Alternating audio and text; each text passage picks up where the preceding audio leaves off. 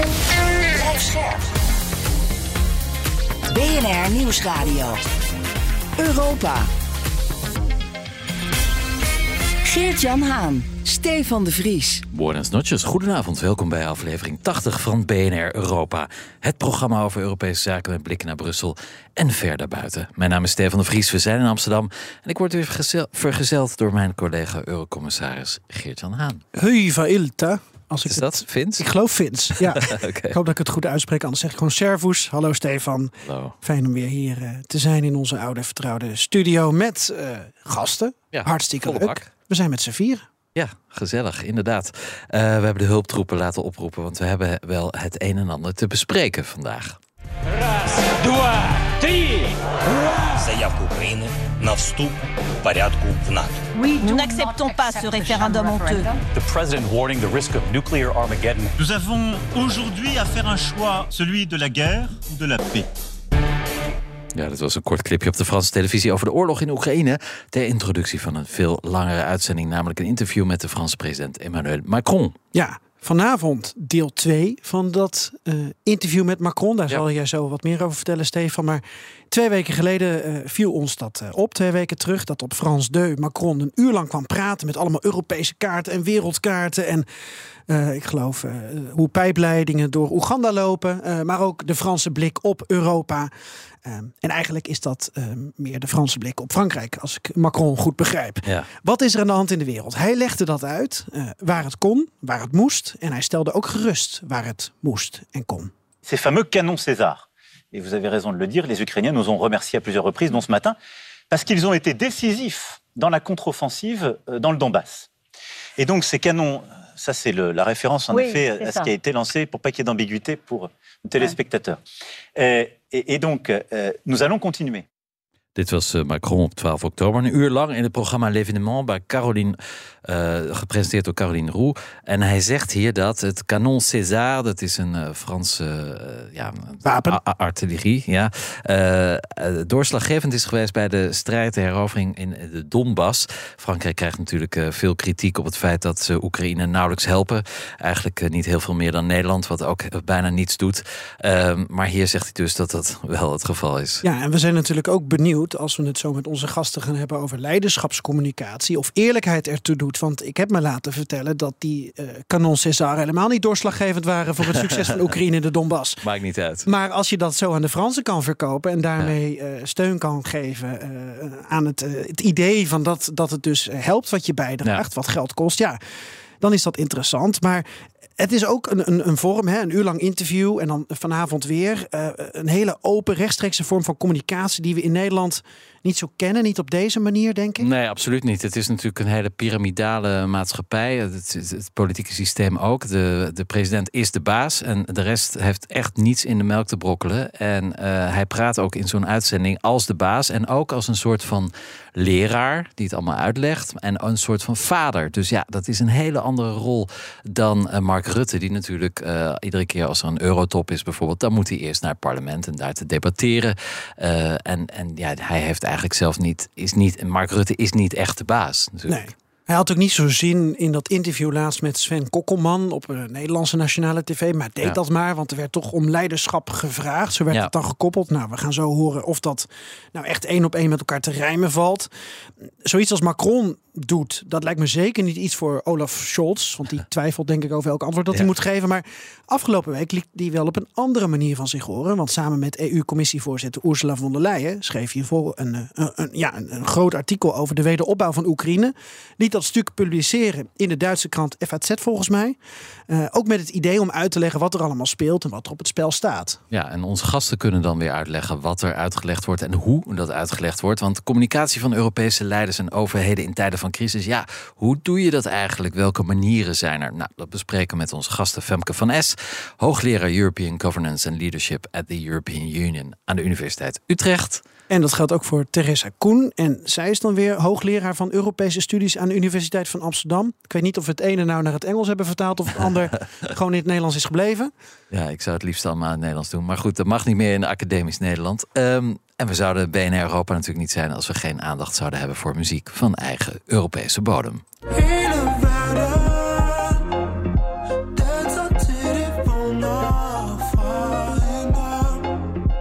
De lange versie hoor je zo. Dit is BNR Europa. Eurocommissarissen Haan en de Vries houden de Brusselse zaken scherp in de gaten. Tijd voor de Europese Week, eh, collega Eurocommissaris Haan. Ja, Wat wil jij op? Wat Onze, jij op? onze gasten staan te trappelen om te praten over leiderschap. Dus laat ik het kort houden. Ik eh, heb weer een hele drukke week met Oekraïne en, en Rusland waar ik me bij bezig hou. En, En vice versa. en vice versa. Ehm, ja, zij met elkaar, maar niet met mij hoor. Maar eh, maandagavond was ik bij eh, de lancering van TV Rain. Dat is een Oh ja. Russisch tv-oppositiekanaal. vanuit een studio in Amsterdam. En dat is wel bijzonder, want die hebben een EU-licentie gekregen. Die mogen dus uitzenden nu in Europa. Dat deden ze al vanuit verschillende plekken. Parijs, Tbilisi, Riga en Amsterdam. Maar nu hebben ze in Amsterdam, eh, in het gebouw van DPG Media... hebben ze een studio gekregen en dat is nu hun nieuwe basis. En Ja. Dat heeft Dirk Sauer onder meer geregeld... die ook met de Moscow Times naar Nederland is gegaan ja, eh, eh, Russische media in ballingschap. En eigenlijk zie je dat dus over heel Europa verspreid. Geldt ook voor Belarussische media. En toch wel eh, bijzonder, al die jaren dat ik allemaal boeken las van, van Russen over en Polen en noem maar op. Allemaal landen ja, waar, waar mensen van in, in ballingschap zaten. Dan weer in Frankrijk, dan weer in Italië. Het is, het is terug. Het is gewoon gek. Ik vond het gek om erbij te zijn, want het was zowel mooi als ook wel tragisch. Ja. Dat was mijn week, of dat, Dat- is mijn week. Nou ja, de- het was een drukke week. eh, genoeg om over te praten. Maar wat, waar mijn oog op viel was de wens van eh, het Europees Parlement om het eigen hotel te hebben in eh, Straatsburg. En je weet, als we naar Straatsburg gaan, dan hè, dat is dan één week per maand of een paar dagen. Dan zijn de hotels ongelooflijk duur. Normaal buiten zo'n week kan je voor 60, 70 euro in een prima hotel logeren in Straatsburg. Als wij er naartoe moeten niet. Als wij er, nee, Nee. dan is het gewoon 300 euro voor een shabby kamertje. Nou, Slaap ik eh, ook nog met jou? nou, dat noem jij slapen.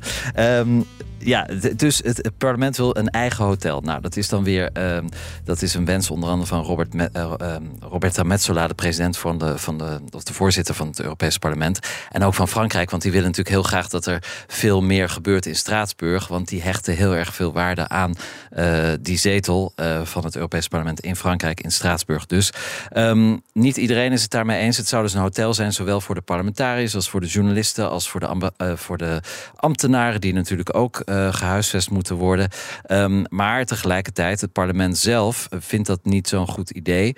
Ehm, want het zou eigenlijk weer eh, bewijzen dat, dat, er, ja, dat, dat, dat Frankrijk toch eh, gelijk krijgt. Of in ieder geval dat het parlement diepere wortels houdt in Straatsburg. Ik Terwijl- zo moe van dat land. het is altijd hetzelfde. ja, nou ja, ja het- ik, ik begrijp waarom het Europees Parlement in Straatsburg zetelt. Natuurlijk letterlijk op de Duits-Franse grens. Het is symbolisch heel belangrijk. Symbolen zijn ook belangrijk. En ehm, ja, eh, dat- is niet, niet eenvoudig. Eh, ik begrijp ook de kritiek over het verhuiscircus eh, iedere maand. Maar ja, het is een van die rare dingen van Europa die Europa maken. Maar misschien dus volgend, volgend jaar, 2023, hebben we dus ons eigen hotel. Hoeven we geen honderden euro's meer neer te tellen om in een Straatsburg hotel te, logeren. Toch even, omdat we met twee hoogleraren Europese studies hier zitten. Ehm, Femke, mag u tutoyeren? Ja, zeker. Ja, hoe leg je dit uit? Nou, ik denk dat Macron het heel goed uit kan leggen aan het Franse publiek. En daar is hij natuurlijk voor. En eh, nou, dat is in, eh, in Nederland en andere landen natuurlijk moeilijker uit te leggen. Ja. En helemaal als ik begrijp dat de prijzen gecontroleerd gaan worden. Dat is natuurlijk ook een beetje raar in de vrije markt. Ja, inderdaad. Ja. ja, maar het is natuurlijk ook een rare markt. Hè. Straatsburg is weinig te doen. Mooie stad overigens. Maar als het Europees Parlement er niet is, dan, dan is het allemaal heel goedkoop. Het is een beetje als de gasprijs, hè? Dus we, we accepteren de vrije markt tot het ons ehm, Ja. te ver gaat. Ja, Ja. zeker. Ja, eh, nou ja, goed. Dit viel mij op in het eh, Brusselse Straatsburgse nieuws. Dus eigenlijk.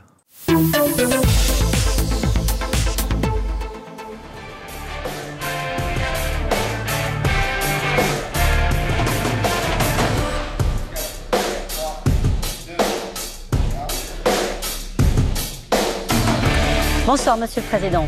Bonsoir. Merci d'avoir accepté l'invitation de France Télévisions. Nous allons commencer cette interview naturellement par la crise en Ukraine. Une première question très directe. La Russie est-elle devenue un État terroriste Ja, een, crisisverhaal. Tijd voor, voor ons hoofdverhaal daarover. De Europese communicatie van, van de overheid, van de regeringsleiders eigenlijk in tijden van crisis. Want ja, eh, de Europeanen en de Europese politici hebben tegenwoordig behoorlijk wat aan hun hoofd. Monsieur le Président, cette émission, on a choisi de l'intituler Le monde en crise. Je résume. Crise ukrainienne. On aurait pu d'ailleurs évoquer la crise en mer de Chine avec Taïwan, ce qui se passe aussi en Corée du Nord. Crise énergétique.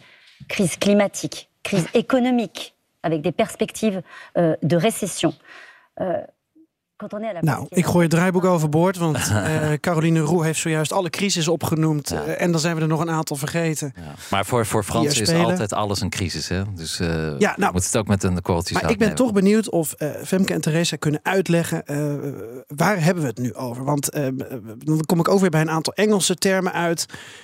gaat dit over, het gaat over communicatie, daar hebben jullie op uitgenodigd. Maar hebben we het over Um, overheid, hebben we het over uh, governance, hebben we het over uh, leiderschap. Um, ik geloof dat er zoiets bestaat als uh, DOET in crisiscommunicatie. Dus direct, open, eerlijk, transparant. Een, een acroniem van allerlei woorden. Theresa, als je Macron zo hoort en, de, en de presentator en alle ellende nu erbij pakt. Waar hebben we het over? Ja, ik zou zeggen, hier is het op de ene kant is het leiderschap. Um, dus Macron laat hier echt heel duidelijk zien dat hij um, het heft in de hand heeft. Dat hij echt uh, de leider is van dit land. En dat hij ook echt uh, heel soeverein kan zijn. Niet alleen op nationaal niveau, maar ook op internationaal niveau. En dat hij eigenlijk ook een antwoord heeft voor al die grote uitdagingen die, uh, met, die, met die hij te maken heeft. Ja. Dus voor mij is het vooral tonen van leiderschap en ook optimisme tonen. En dat is ook in crisis vaak heel belangrijk. Dat je aan de bevolking laat zien: oké, het is wel echt uh, een challenge. Uh, het is een uitdaging waar wij mee te maken hebben. Um, wij moeten ons best doen om die uitdaging echt uh, te overkomen. Maar tegelijkertijd is er ook echt een licht aan het eind van de tunnel. Dus er is ook echt een oplossing. Um, uh, die eigenlijk bijna klaar staat. Ja, en je zegt hij, hij, hij heeft het heft in handen. Maar is het niet eigenlijk een soort uh, auto-hypnose? Want hij heeft helemaal geen heft in handen, eigenlijk. Alles overkomt hem en, en ons in feite. Ja, maar ik denk dat Macron wel zo een, een persoon is die graag uh, wil laten zien. En zich graag zelf ziet als iemand die wel nog de controle heeft. Ja, um, ja er is natuurlijk overheidscommunicatie, dus crisiscommunicatie. Uh, we hebben even de definitie opgezocht van, uh, van deze woorden. Bij overheidscommunicatie lees ik: burgers krijgen informatie over beleid van de overheid. Uh, en in de wekelijkse persconferentie ligt de minister-president dat toe. Dat geldt dan voor Nederland. En crisiscommunicatie, dat zegt het NCTV. Ehm, goede crisiscommunicatie staat voor het verspreiden van juiste, tijdige en begrijpelijke informatie over en tijdens een crisis, ramp of incident. Um, volgens mij hebben we hier alleen maar informatie achteraf en onduidelijke informatie. Uh, wat, wat gaat hier uh, mis? Of, Femke? Nou, ik weet niet of er zoveel misgaat. Hè? Dus, uh, nou ja, volgens de definitie. Volgens de definitie, ja. ja. Uh, kijk, we zitten natuurlijk in een crisis. Je kunt je afvragen of we al deze uh, zaken die de presentatrice introduceert ook echt een crisis zouden noemen. Hè? Een crisis eh, definiëren we ook normaal dat het echt urgent is, dat er dreiging vanuit gaat. Ik denk op lange termijn is bijvoorbeeld milieu dat zeker. Maar op dit moment denk ik dat de hoofdcrisis Oekraïne is. Um, en daarbij um, denk ik dat Macron uh, wel een aantal initiatieven heeft genomen. Ook uh, de gesprekken die we hebben gezien met de brede Europese partners in, in Praag. Dus ik denk dat hij zich wel ook ergens nou ja, daar kan claimen dat hij daar iets heeft gedaan. En dan met name heel symbolisch natuurlijk iets heeft gedaan in de richting van Poetin. Om te laten zien dat niet alleen de EU um, en, en de Verenigde Staten met elkaar uh, band vormen, mhm. maar dat het ook breder is. Ja, zorgt, zorgt het dan ook voor geruststelling onder de bevolking, zo'n soort speech of interview of gesprek? Ja, ik denk dat dat, dat is dus een van de hele belangrijke elementen van zo'n, van zo'n speech. Je kunt, hè, dus de uitleg die je geeft, hè, de duiding die, ge, die je geeft. Dus dat gaat eigenlijk meer over inderdaad al die informatie en de details uh, die je geeft. Maar tegelijkertijd doet hij ook iets met een speech. Hè. Dus in, in, in het Engels noemen we dat een speech act. Hè. Je, je verricht ook een handeling. En hij, zoals Therese ook zei, positioneert zichzelf daar als leider. En in tijden van crisis uh, willen mensen heel graag dat er een leider opstaat. Waarvan ze in ieder geval kunnen denken dat hij het beter weet en een oplossing heeft voor de situatie. Ja, Geert-Jan, we hebben het nu over Frankrijk, een beetje over Nederland. Heb jij nog voorbeelden uit uh, andere landen? Ja, heb ik. Uh, Duda, Scholz, De Croo. Er was wel nog iets aan het interview met Macron wat mij opviel, als ik daarop mag inhaken, toch? Want dat wil ik even laten horen. Dat, dat waren twee dingen. Eén, die quote over dat slagveld, waarbij ik dus twijfel over de eerlijkheid van Macron. Terwijl ik dat wel binnen dat acroniem dus lees. Hè? Dus uh, doet, uh, direct, open, eerlijk, transparant. Dat zou dus bij leiderschapscommunicatie ook het geval in tijden van crisis moeten zijn. Ja, en dan zei hij nog iets over een, een gasdeal van Azerbeidzjan met de Europese uh, Unie, commissie, waarbij von der Leyen dat met veel bombarie een paar weken geleden heeft gepresenteerd. We weten dat Frankrijk en Armenië nauwe banden hebben en dat op dat forum in Praag inderdaad Macron heeft geholpen aan een, een soort van EU-missie die daar nu komt. Um, maar hij zegt iets over die gasdeal en dat vind ik interessant. Dus heel even luisteren. Il n'y a pas une forme de tolérance vis-à-vis -vis de l'Azerbaïdjan parce qu'on a scellé un accord sur le gaz. Nous on a beaucoup. La France n'achète pas de gaz bon. là-bas et il n'y a pas d'accord. Et je vais vous dire. L'Europe, oui. Plusieurs pays européens voilà. ont des accords gaziers, bien sûr. D'accord. Mais je vais vous dire, en ce qui concerne la France et en ce qui concerne la voie de l'Europe, mais moi je vous le dis des yeux dans les yeux, je le dis pour tous nos compatriotes, nos valeurs, nos principes, ne s'achète pas ni à coup de gaz ni à coup de pétrole. Je moet al lachen. Ja, ja, vooral hij gebruikt les yeux dans les yeux. Dat is een echt een gevleugelde uitdrukking van Franse politici sinds een jaar of twintig. Uh, en vooral Franse politici die liegen. Dus ik zeg het u oog in oog. En er zijn veel voorbeelden van Chirac, uh, uh, Sarkozy, François Fillon, et cetera. als een Franse politicus dit gebruikt, ja, dan, dan weet eigenlijk iedere Fransman dat hij onzin zit te verkopen. Ja, wat mij hieraan opviel, Theresa, was, was het eerste gedeelte van dit citaat. Uh, we weten dat de Europese Unie en Azerbeidzjan een deal hebben gemaakt om de komende jaren meer gas vanuit die hoek te krijgen als alternatief voor Rusland. En Macron zegt dan van ja, dat hebben een aantal Europese landen gedaan, maar wij niet. Wij hebben dat gas niet nodig. En dan zegt hij op het laatst, wat Stefan ook net uh, samenvat, van ja, uh, uh, we mogen ons nooit meer laten gijzelen door, door ja. olie of gas.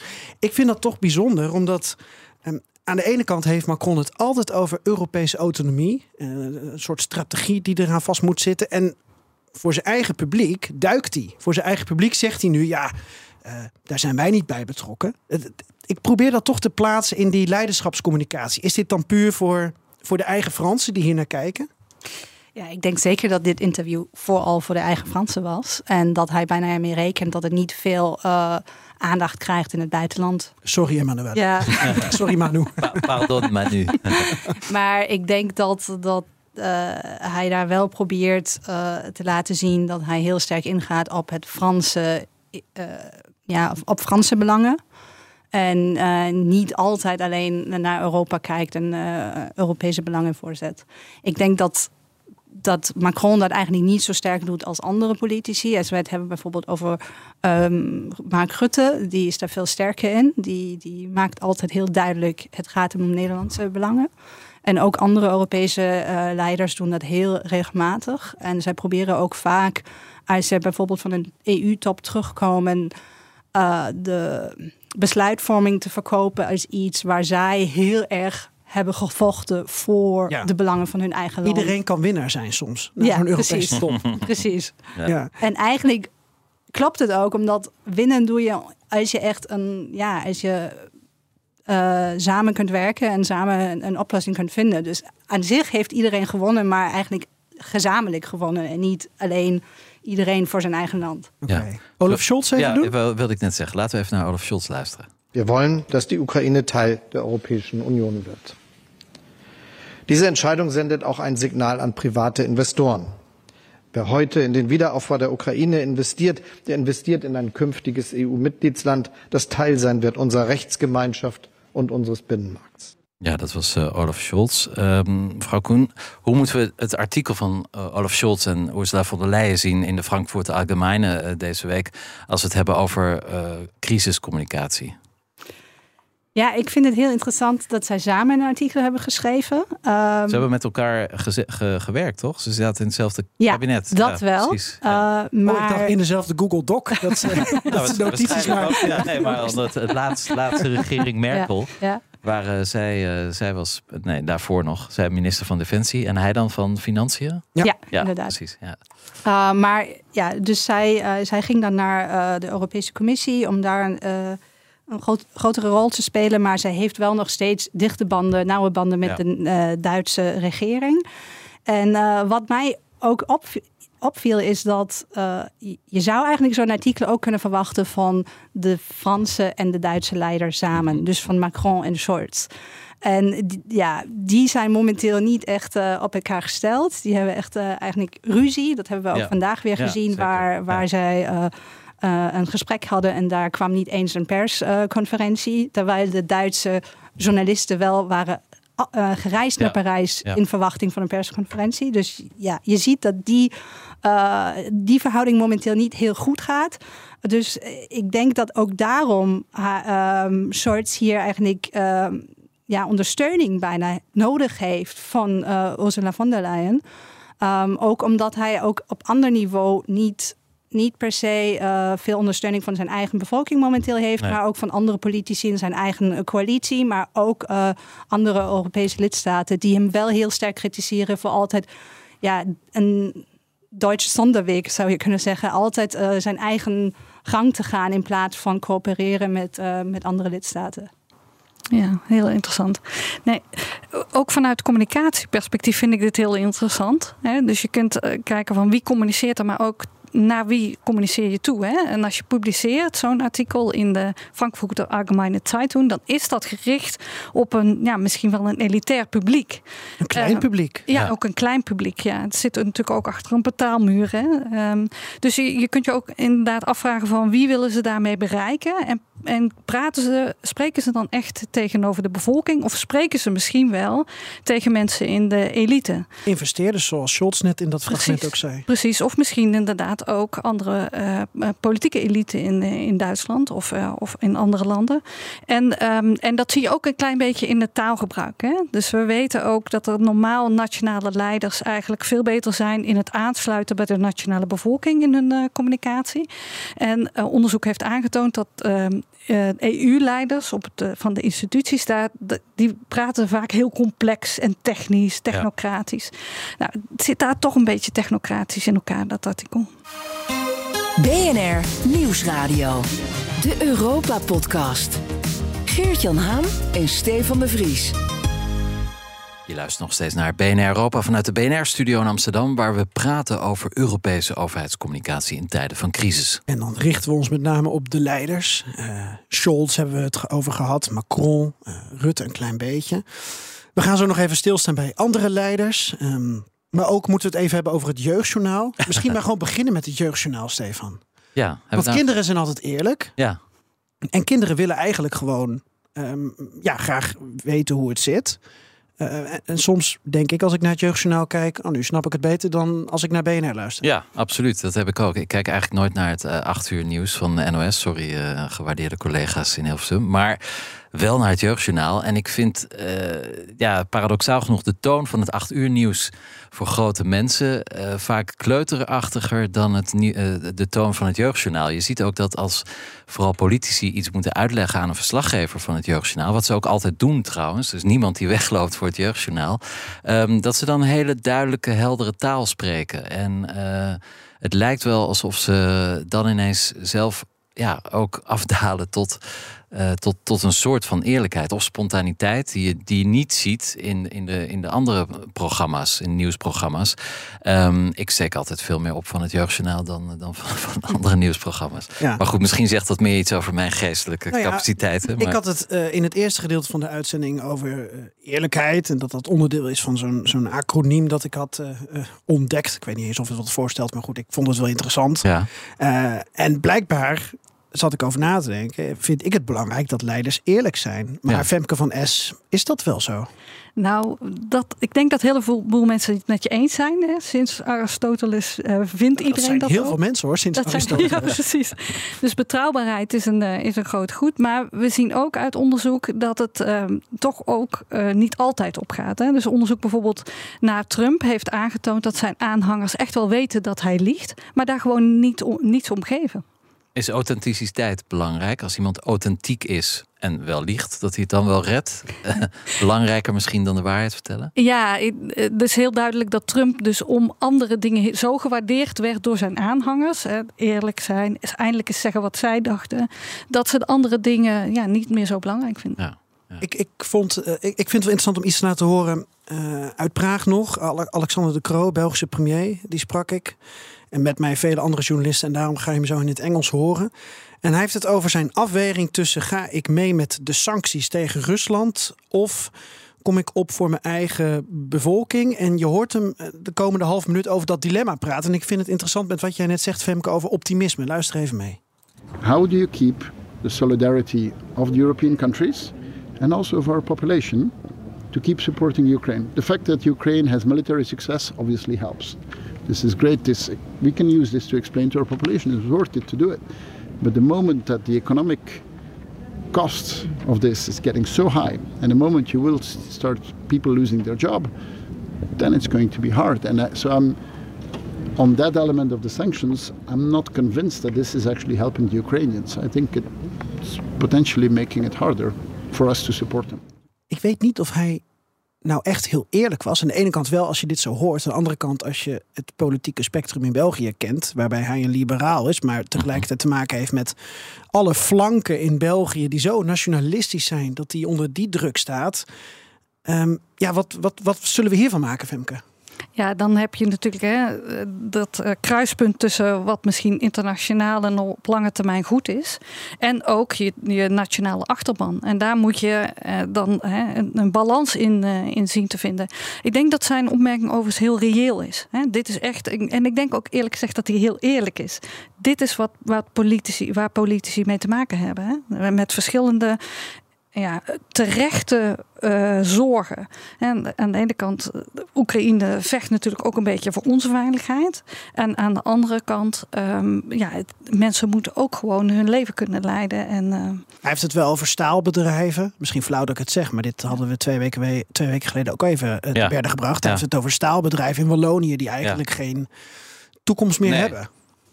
Nee, maar daar En werken banen. wel mensen. Ja.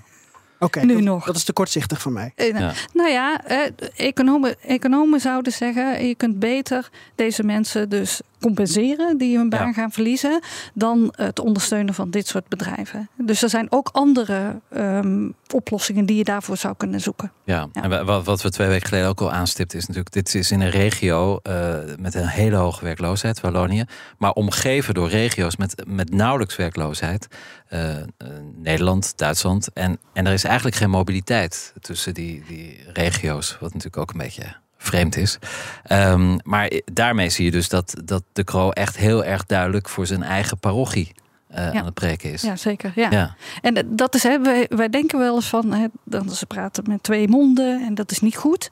Maar het is ook een taak van een, van nationale politicus om voor je eigen, eh, voor je eigen burgers te zorgen. Hè? Ja. Dus het is niet raar dat hij dat zegt. Alleen je kunt wel nadenken of er niet oplossingen zijn die eh, voor iedereen goed zijn. Schiet me nog een voorbeeld te binnen, omdat in ehm, Praag eh, sprak ik ook even met Karel Nehammer, de Oostenrijkse bondskanselier. En Theresa, je hebt, je hebt Oostenrijkse roots. En, en Nehammer die gaf de Oostenrijkse positie in die oorlog nog een keer aan. Namelijk, ja, wij leveren eigenlijk geen wapens. Eh, zeker geen wapens waar je mee kan doden. En nou ja, wat Nederland levert, daar kan je wel eventueel als je wil mee doden. Dus ehm, Oostenrijk heeft natuurlijk een lange traditie van neutraliteit. ja, maar Oostenrijk wordt er ook wel in Europa nu flink op aangekeken.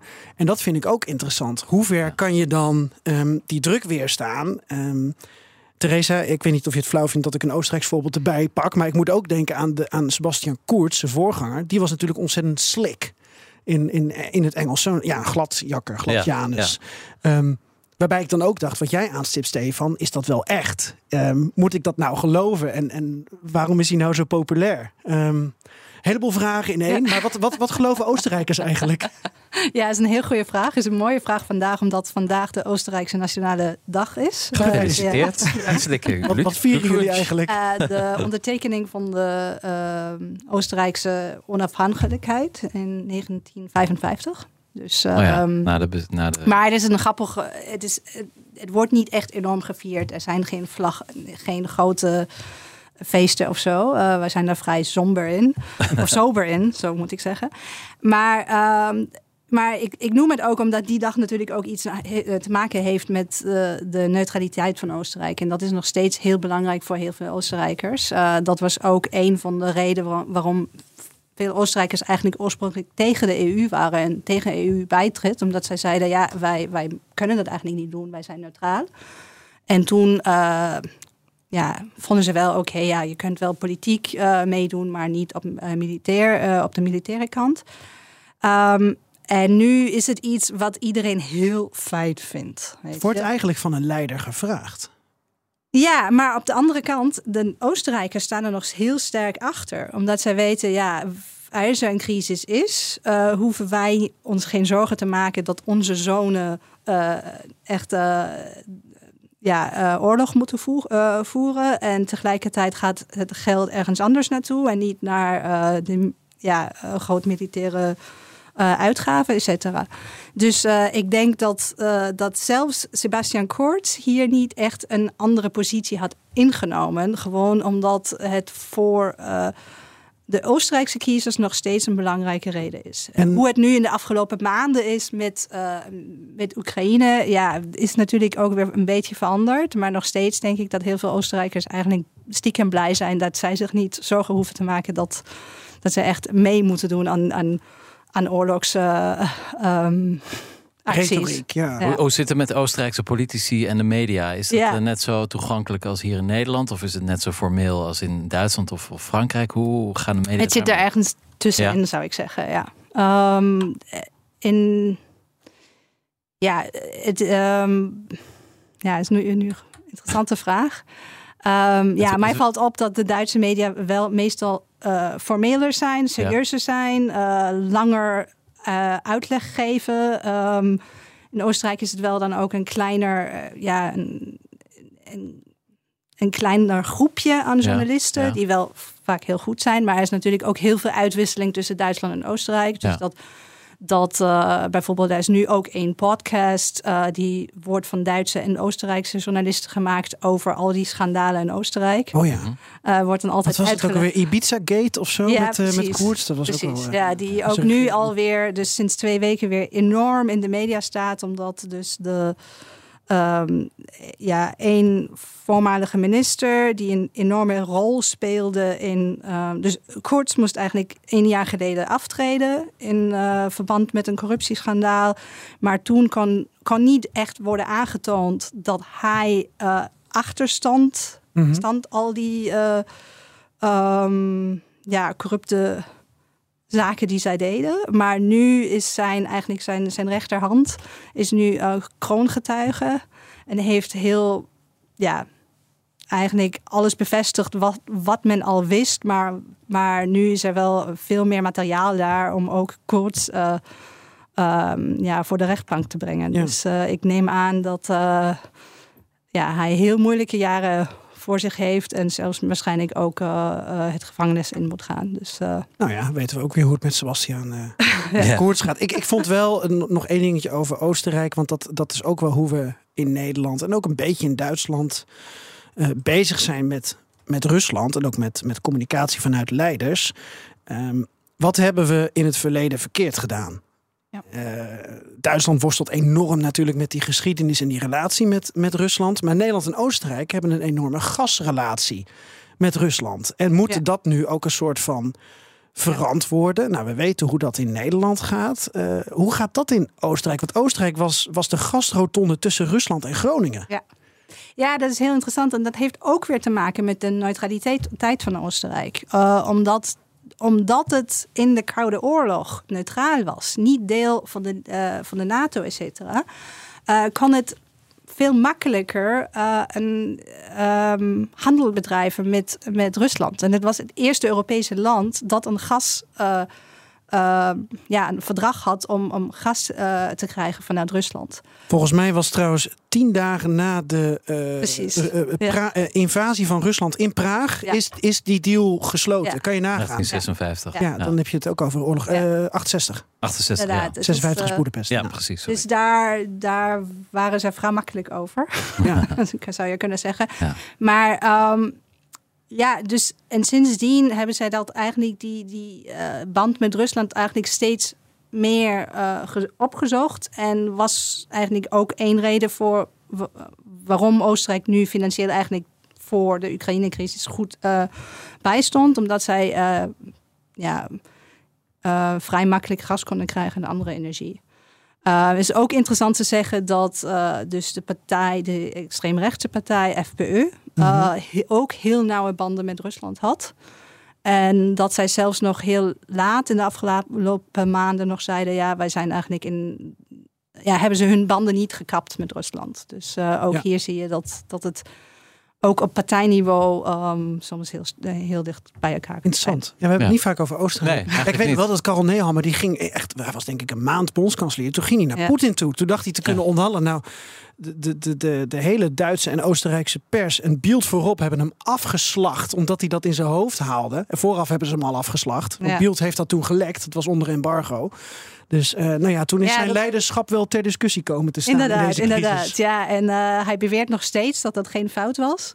Hij deed het eigenlijk stiekem omdat zijn vrouw. Er was net een schandaal met zijn vrouw. Dit is echt een soort boulevard. En hij wilde hem dan uh, dus afleiden van van eigenlijk wat de problemen die zijn vrouw had uh, op dat moment. Serieus? Dus ja, dat, zo wordt het geduid. We worden een soort Juice-kanaal. ja, sorry. EU, Dit is eigenlijk kanaal. dus heel belangrijk. Ja. Want, want dat, dat geeft ook weer aan dat leiders ook... Ja, ik wou bijna zeggen, het zijn net mensen. Maar ja. dit, dit, is toch ook een beetje gek. Maar goed. Het lijkt wel een Hollywood-film. Ik geloof dat die zo'n film Wag the Dog heet. Ja, ja een goede film. Ja. ja. absoluut. Um, we hebben het over speeches en, en persconferenties en interviews. Maar we hebben natuurlijk ook andere media, zoals TikTok TikTok en Instagram. Um, is dat een iets waar politici uh, meer van gebruik zouden moeten maken?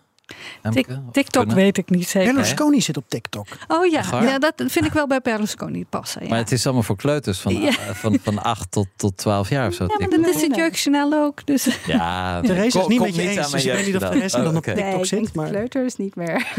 ik denk zijn wel... Nou, TikTok, mijn, mijn zoontje van 18, die heeft deze week een TikTok. Hij noemt zich vanaf nu TikToker. Oh, okay. Moeten we nog een stevig gesprek nou ja, maar goed, we hebben het over hoe uh, Scholz en uh, von der Leyen in een... Uh, Duitse krant voor een bepaald publiek, ja. klein hoogopgeleid publiek, ja. een, een, een, opiniestuk schrijven. Ja. Is dat achterhaald? Nee, dat denk ik nee. niet eh, dat er achterhaald is. Nee, dat is ook een publiek hè, okay. waar je mee wil communiceren. Ja. Maar uh, bij TikTok denk ik veel meer, hè, los van dat het goed is om andere uh, delen van het publiek te proberen te bereiken, -hmm. is, uh, we hebben het net over authenticiteit gehad. Mm. Ja, je moet wel geloofwaardig overkomen. Ja. Dus als je een gek dansje gaat doen als politicus, dan weet ik niet of je daar heel veel mee. nou, mee we hebben het gezien met de Finse premier, hè? Marin, die, die werd, ja, er kwam een filmpje van een een of ander feestje waar ze, waar ze goed aan het dansen was. Maar dat vonden de Finnen niet leuk. Weer een schandaal. Terwijl ik dacht, ja, dat, dat is toch cool, zo'n zo'n premier. Die, ja. Ik vind haar wel interessant, want dat had ik in Praag, uh, zowel bij haar als bij Callas, dat ik er eigenlijk voor het eerst over nadacht van. Um, uh, het zijn dan vrouwen, maar dat doet er eigenlijk in dit geval niet nee. toe.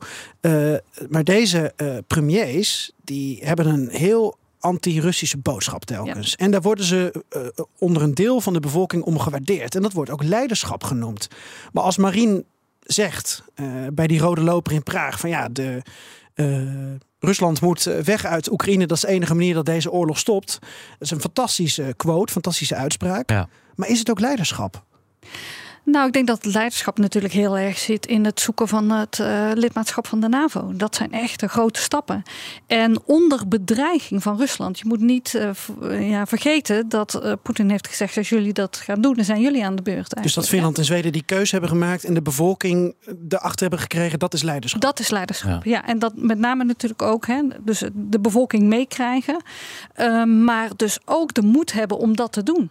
Ja, uh, ja, Dat is leiderschap. Ja, want, want wij zien dat misschien niet helemaal in. Maar Finland en Zweden waren net zo gehecht aan hun neutraliteit als, als Oostenrijk. En, en dat is in een paar weken, zeker bij Finland ging het heel snel. Uh, Zweden iets langzamer. Um, ja, dus eigenlijk een, een, maar dat komt eigenlijk door Poetin, niet zozeer door leiderschap. Nou, je had ook op Poetin kunnen reageren door bang te worden ja, en te denken: dit, dit moeten we maar niet doen. En dat hebben ze niet gedaan. Nee. Um, ja, dus TikTok, Instagram, uh, het zorgt voor een andere dynamiek, maar is niet per se voor iedereen weggelegd. Nee, en je moet ook niet vergeten dat uh, zeg maar de reguliere media, daar uh, zijpelt van alles ook door naar de um, naar de social media. Dus bijvoorbeeld wij hebben denk ik allemaal niet het vast artikel zelf gelezen, want dat staat achter een betaalmuur. Het stond ook op de website van de Duitse overheid. Oh ja, oké. Okay. Oh, ja. uh, maar, ja, maar je uh, ziet ook overal samenvattingen daarvan. En iedereen praat daar toch over. En daar gaat mhm. het ook op social media over. Dus de, de hoofdboodschap van dat uh, stuk komt gewoon ook uh, door bij andere publieken. Ja, ja. In hoeverre kan een, een speech of een, of een mediaoptreden fnuikend zijn voor een politicus? Heb je daar voorbeelden van? Ja, dat kan zeker. En een klassiek voorbeeld wat altijd genoemd wordt is een uh, speech van de, uh, de, de Amerikaanse president Carter. Die naar aanleiding van de tweede oliecrisis um, een lange, zeer lange speech op televisie hield. Over welk jaar hebben we het dan ook alweer? Wat is het? 79 ja, het was zal het? daarom ja, zijn. Hè? Ja. Rond die tijd. Ja. En uh, waarbij dus hij een, een, hele analytische speech had. ook met oh, voorbereid, maar allemaal experts in Camp David gezeten. Um, en dat, die speech wordt eigenlijk over het algemeen gezien wel altijd hij bijgedragen heeft aan, uh, aan het feit dat hij niet is herverkozen en dat Reken uiteindelijk is verkozen.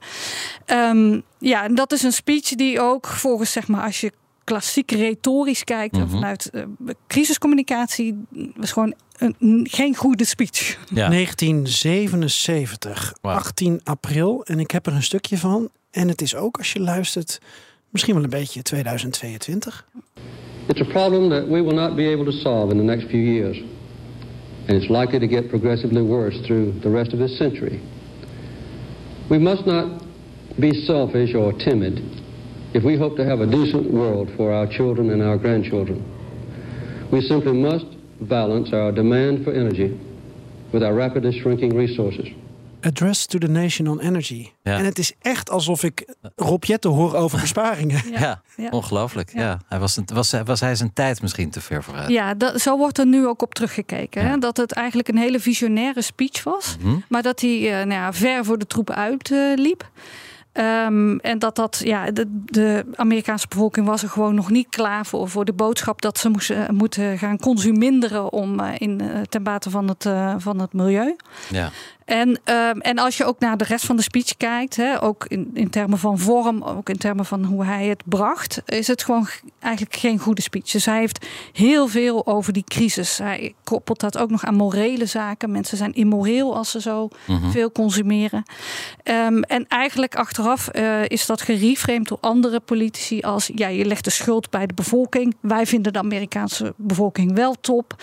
Hij gaf ook eigenlijk geen oplossingen voor de crisis. Dus hij, hij ja, achteraf is het ook, ook wel uh, de malaise uh, speech uh, mm -hmm. genoemd.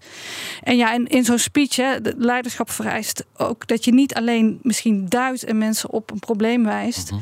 maar dat je ook aansluiting vindt bij de burgers, maar dat je ook perspectief geeft. En dat, dat is ook iets wat ja. In het begin zei. Nou, hij, hij leeft nog steeds, ongelooflijk, ja. bijna, bijna een eeuw oud, maar bijna een halve eeuw na deze speech krijgt hij dan krijgt een soort van gelijk. Ja. ja.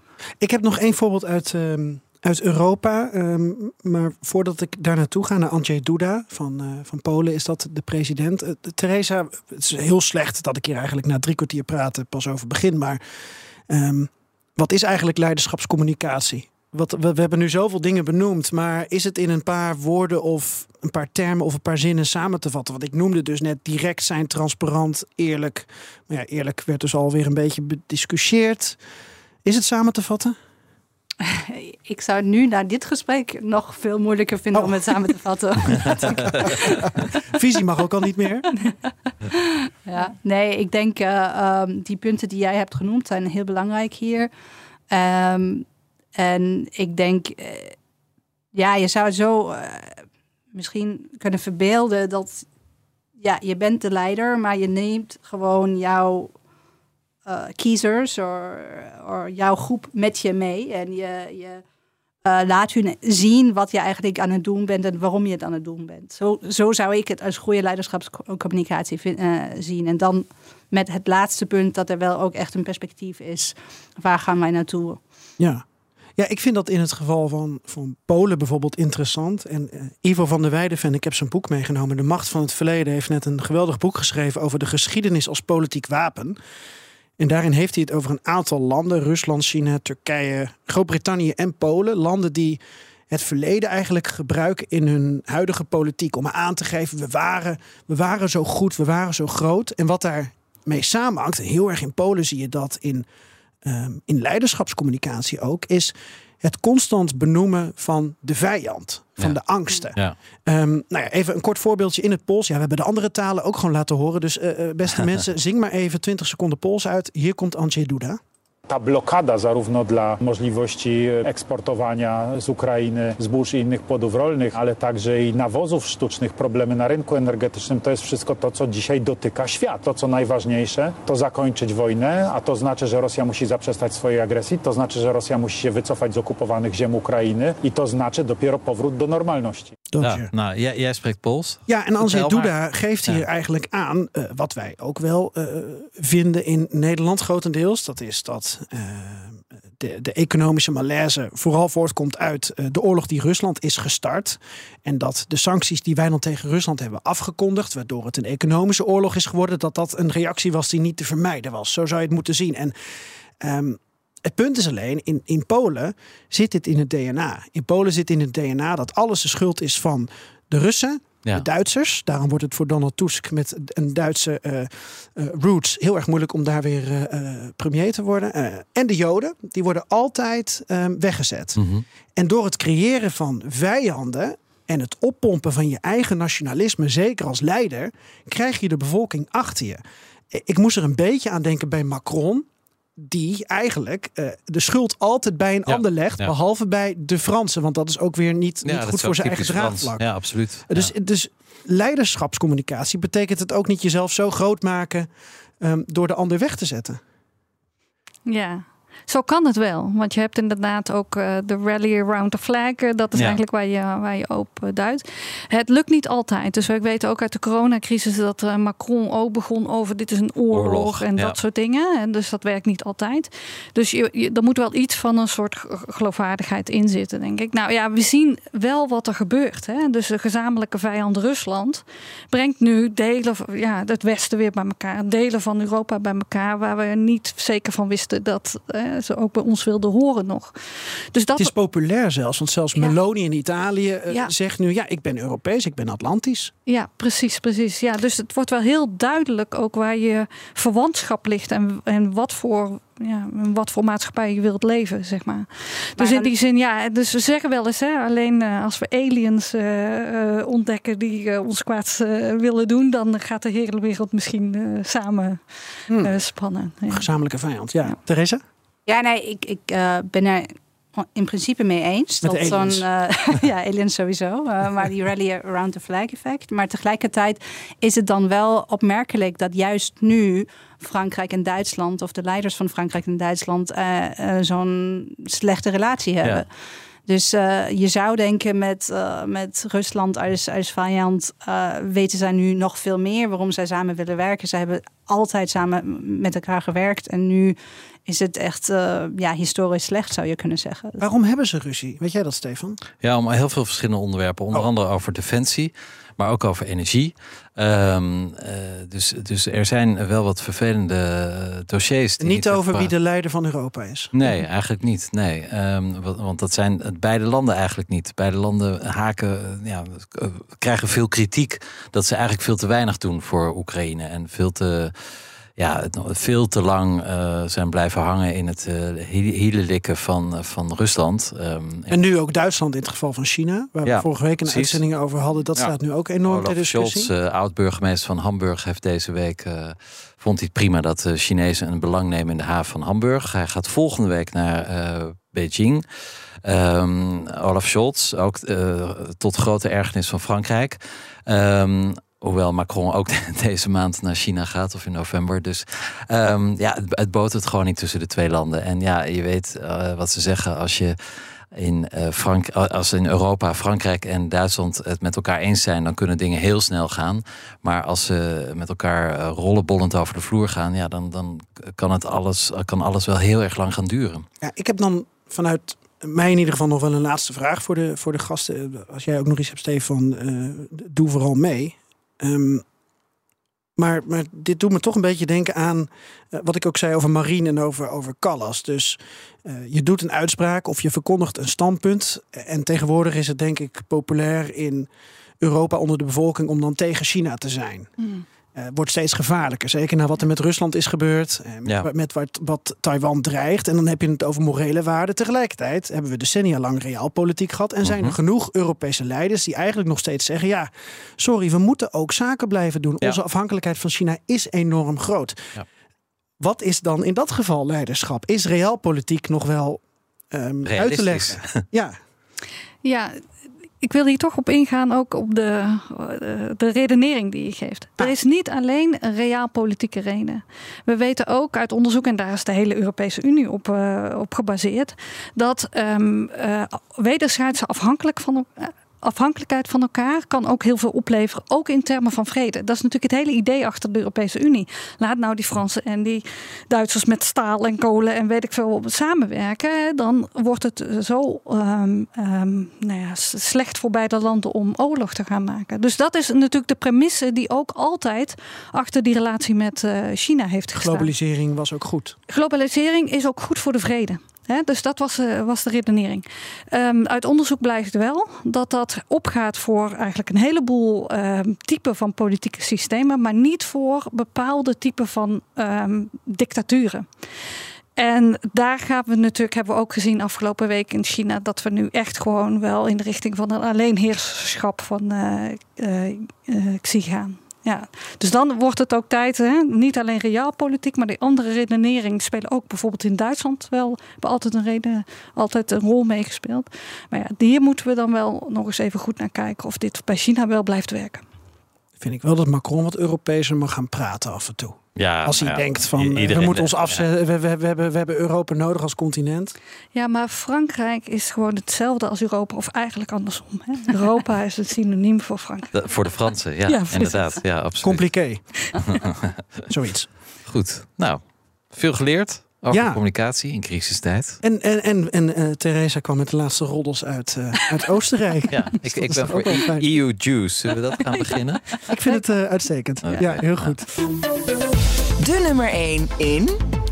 En zoals elke week laten we nummer 1 hit horen uit een van de Europese lidstaten, Gert-Jan. Ja, en dat is dit keer dit nummer.